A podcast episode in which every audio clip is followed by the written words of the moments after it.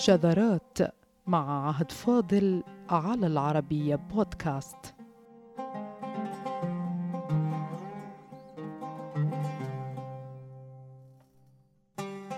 كان يمكن الوقوف على مسائل كثيرة تثبت موضوعية التأليف بالعربية قديما خاصة في قضايا الشعر. كوصف شاعر بالفحل والكبير مع أنه قتل وهو يقاتل المسلمين. كدريد بن الصمة أو كقول الأصمعي إن الشعر نكد بابه الشر فإذا دخل في الخير ضعف.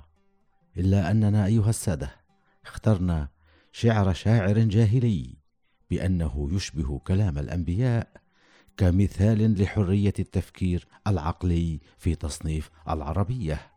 نظرا لما تتضمنه هذه الصفة من خروج على نمطية ظالمة نالت من الكاتب العربي الناقد القديم.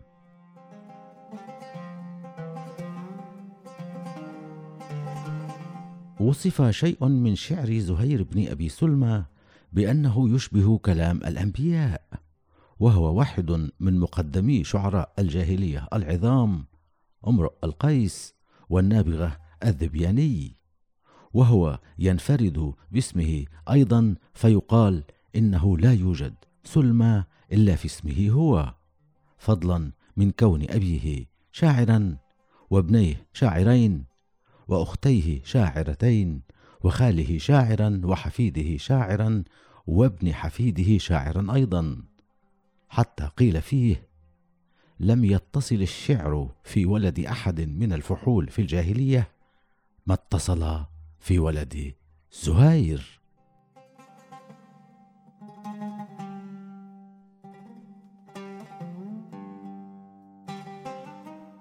شعر زهير شرح كأحد أصحاب المعلقات العظام وقيل فيه مما نقلناه للتو. إلا أن ما وصفه النقاد بأنه كان يتأله في شعره كما قال ابن قتيبة أي يظهر نوعا من الإيمان بالله والتوحيد والبعث. وصف في شكل آخر عند ناقد مختلف وموسوعي كبير هو الثعالبي صاحب يتيمة الدهر. وفي كتابه المعروف بخاص الخاص وصف شعرا لزهير بأنه يشبه كلام الأنبياء.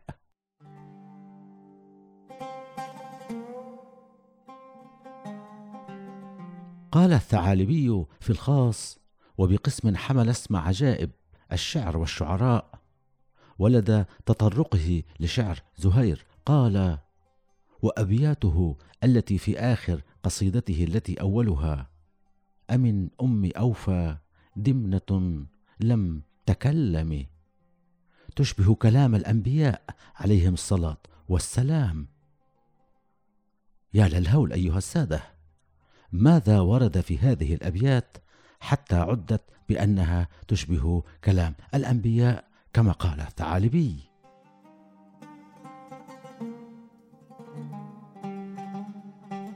حدد الثعالبي الأبيات التي قال إنها تشبه كلام الأنبياء وعددها خمسة وهي هذه الأبيات من أحد أعظم قصائد العرب وهي كما حددها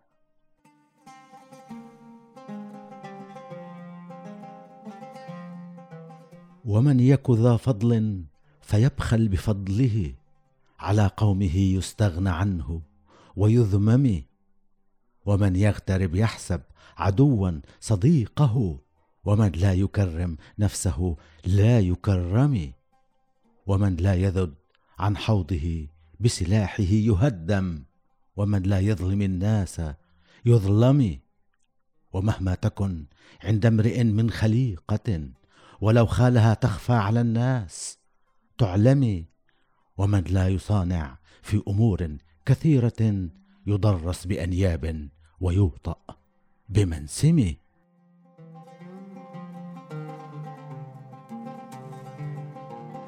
نحن أمام إشكال كبير أيها السادة فكيف يوصف بكلام الأنبياء القول إن المغترب يحسب عدوا صديقه؟ بل كيف يكون من كلام الأنبياء القول بالدعوة إلى ظلم الناس؟ وهو ما ورد في معلقة زهير ووصفها الثعالبي بكلام الأنبياء كما حددها في الأبيات الخمسة التي لم يلتزم بها بترتيب ورودها في القصيدة دلالة منه على معنى محدد يريده. فهل الأنبياء أيها السادة يقولون إن المغترب يعتقد إن العدو صديق أو الصديق عدو. أم الأنبياء تقول بادر وسارع بظلم الناس قبل أن يظلموك؟ أين النبوة والرفعة في ذلك؟ إذا كان ذلك صحيحا. الثعالبي لم يقل لنا كيف يكون هذا من كلام الأنبياء. فقط عرض الأبيات الخمسة ثم انتقل إلى موضوع آخر. لكن المعاني الناصعة التي صلبتها الحياة المديدة التي عاشها زهير فصار من حكماء العرب في الشعر ثم وصف كلامه بكلام الأنبياء تنطوي على فرادة من النوع الذي تتساوى فيه القيم الأخلاقية بالقيم التاريخية. فكيف شرح النقاد الظن بالعدو صديقا؟ والمبادرة إلى إيقاع الظلم بالآخر قبل وقوعه على الذات.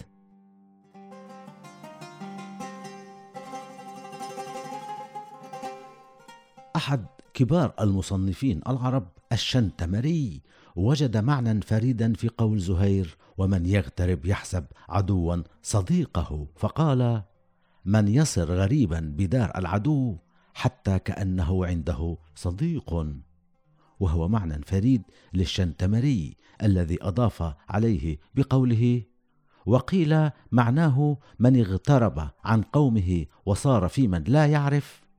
أشكل عليه العدو والصديق ولم يستبن هذا من هذا. وتأتي غالبية آراء النقاد على الشكل التالي بأن من سافر واغترب حسب الأعداء أصدقاء لأنه لم يجربهم.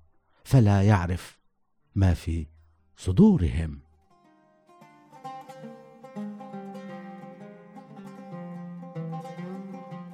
قصة الرحيل بصيغة الاغتراب عريقة في الشعر العربي أيها السادة، بل هي إحدى خصائصه الفريدة، ولكل فحل من الفحول رأي فيها، ومن أقدم من لون هذه الفكرة عبيد بن الأبرص، عندما حث على الانخراط بمجتمع الاغتراب دون تشكيك مسبق فيه، فقال: ساعد بأرض إذا كنت بها ولا تقل إنني غريب. وهي تتناقض كليا مع كلام زهير الذي شبه بكلام الأنبياء. إلا أن الحكمة القصوى بكلامه ليس كما قيل بأن من اغترب ولم يجرب الغرباء حسبهم اصدقاء لأن هذا ينطبق على الأهل أيضا بل كل الناس. فأين الحكمة في هذا كله؟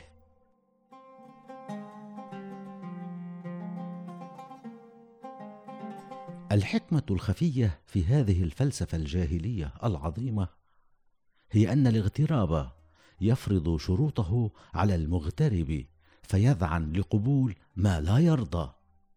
وهذا هو سر عجز البيت الذي ورد فيه ومن لا يكرم نفسه لا يكرم اذا هو يقول إن الذي يغترب يضطر لقبول أشياء رغما عن إرادته لضعف حيلته. إنما عليه أن يقاوم ويحافظ على كرامته وأخلاقه وإلا لن يجد من يكرمه ويعامله باحترام. هذه هي صوره العربي أصلا التي فتح فيها الدنيا قبل الإسلام والتي من أدبياتها تقديم المساعدة لأرض الغربة كما قال ابن الأبرص مشترطا عدم التذرع بكون الغريب غريبا كي يمتنع عن تقديم العون للأرض الغريبة. وكذا فعل زهير عندما أوجز بأن الغريب يحسب العدو صديقا وهي لا تعني أكثر من الظن مطلقا. فإذا كان غريبا فعلا فكيف وصل لمعرفة شخصية به ليصفه بعدو؟ بل هو يختصر بأن الشروط المفروضة على حياة الغريب في غربته ليست مبررا كي يتنازل عن كرامته كما في عجز البيت الذي كشف حكمة ما وردت في الصدر وإلا لا علاقة بين الصدر والعجز وهو هكذا فعلا وبهذا السياق وكما وصف الثعالبي يصبح من كلام الأنبياء.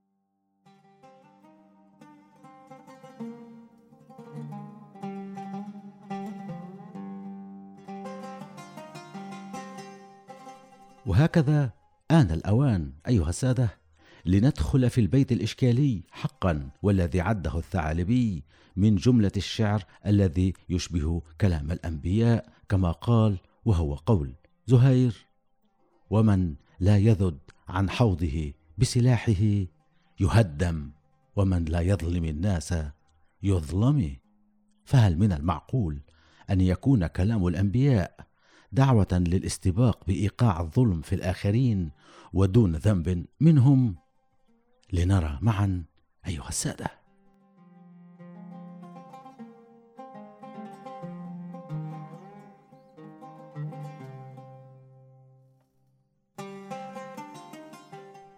إذا اعتمدنا الشرح المجمع عليه لهذا البيت فإنه ينطوي على تناقض صارخ ينفي ما ورد فيه جملة وتفصيلا إذ كيف يدعو الشاعر الفحل إلى الدفاع عن الأهل والأرض وفي الوقت نفسه يطالب بالمسارعة إلى ايذاء الآخرين.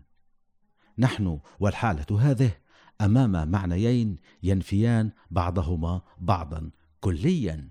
فإما أن تكون الحكمة بالدفاع عن الأهل وإما أن تكون بالمسارعة لايذاء الآخرين.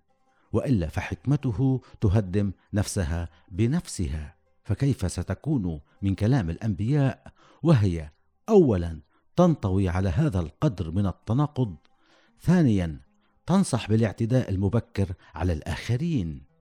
فهل الأنبياء يدعون للاعتداء على الآخرين؟ الحقيقة كلا إلا أن السر في العربية القديمة. فماذا ورد فيها؟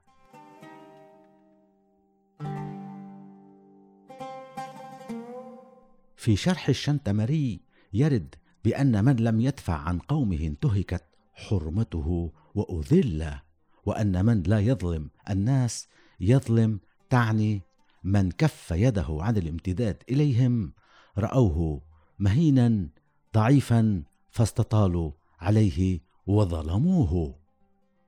أي أن الشنتمري يؤكد المبادرة إلى ظلم الآخرين.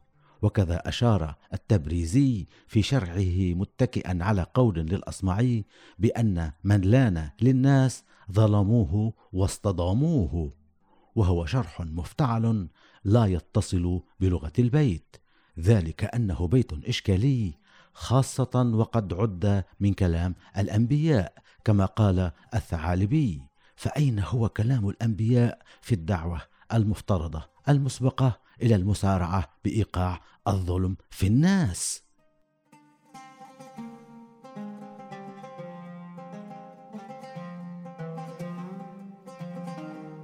قدمنا أعزائنا إلى أن الدعوة إلى حماية الأهل والدعوة إلى إيقاع الظلم بالآخرين وفي بيت واحد يعني تناقضا يحيل المعنى إلى رماد. فإما أن تكون الحكمة بالذود عن القوم وهو ما يعرف الآن بالوطنية أو الدعوة إلى ظلم الآخرين وهو ما يعرف الآن بالاحتلال أو الإيذاء. فكيف جمع الشاعر بين هذين المعنيين؟ بل أين الحكمة في صدر أتى عليه العجز وهدمه هدما كليا؟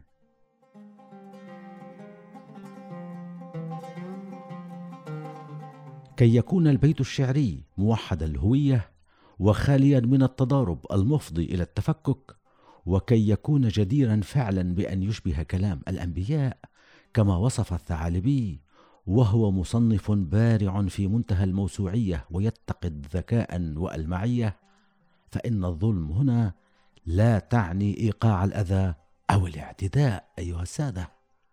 فنحن نتحدث عن لغة عربية قديمة جاهلية سار فيها الكلام غير ما سار فيه في عصور لاحقة. لأن الأصل في الظلم النقص أيها السادة.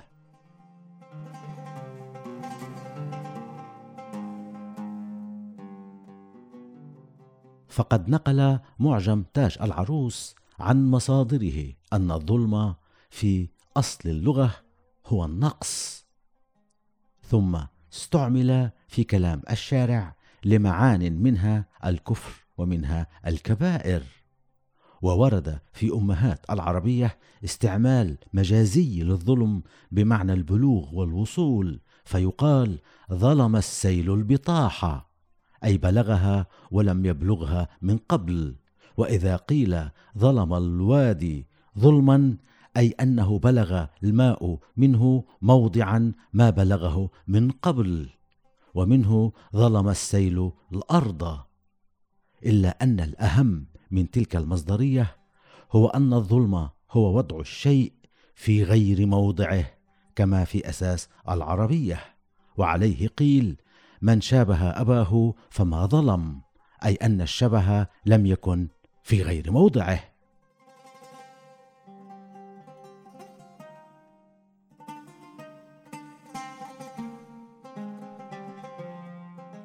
وبناء عليه فإن الابتداء بضرورة الدفاع عن القوم كما في صدر البيت لا تنتهي بعجزه بالدعوة إلى ظلم الآخرين بالقول من لا يظلم الناس يظلمه فهي ليست دعوة للمسارعة بالإيذاء بل هي للمسارعة إلى توقع فعل الاعتداء من باب وضع الشيء في غير موضعه وإلا اعتدي عليه وهدم حوضه.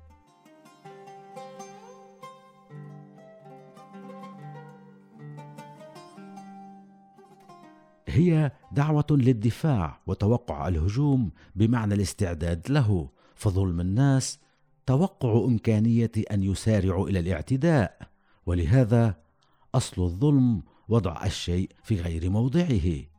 فظلمهم بمعنى وضعهم في غير موضعهم كما لو أنهم أغاروا عليك لأنك لو لم تفعل سيغيرون عليك وأنت غافل. فيظلم الشخص نفسه إن لم يتحوط. لذلك ولهذا من لا يظلم الناس يظلم تعني من لا يستعد يباغت. فهكذا هي تشبه كلام الأنبياء لأنها تخلو أصلا من الدعوة إلى الإيذاء. والسلام عليكم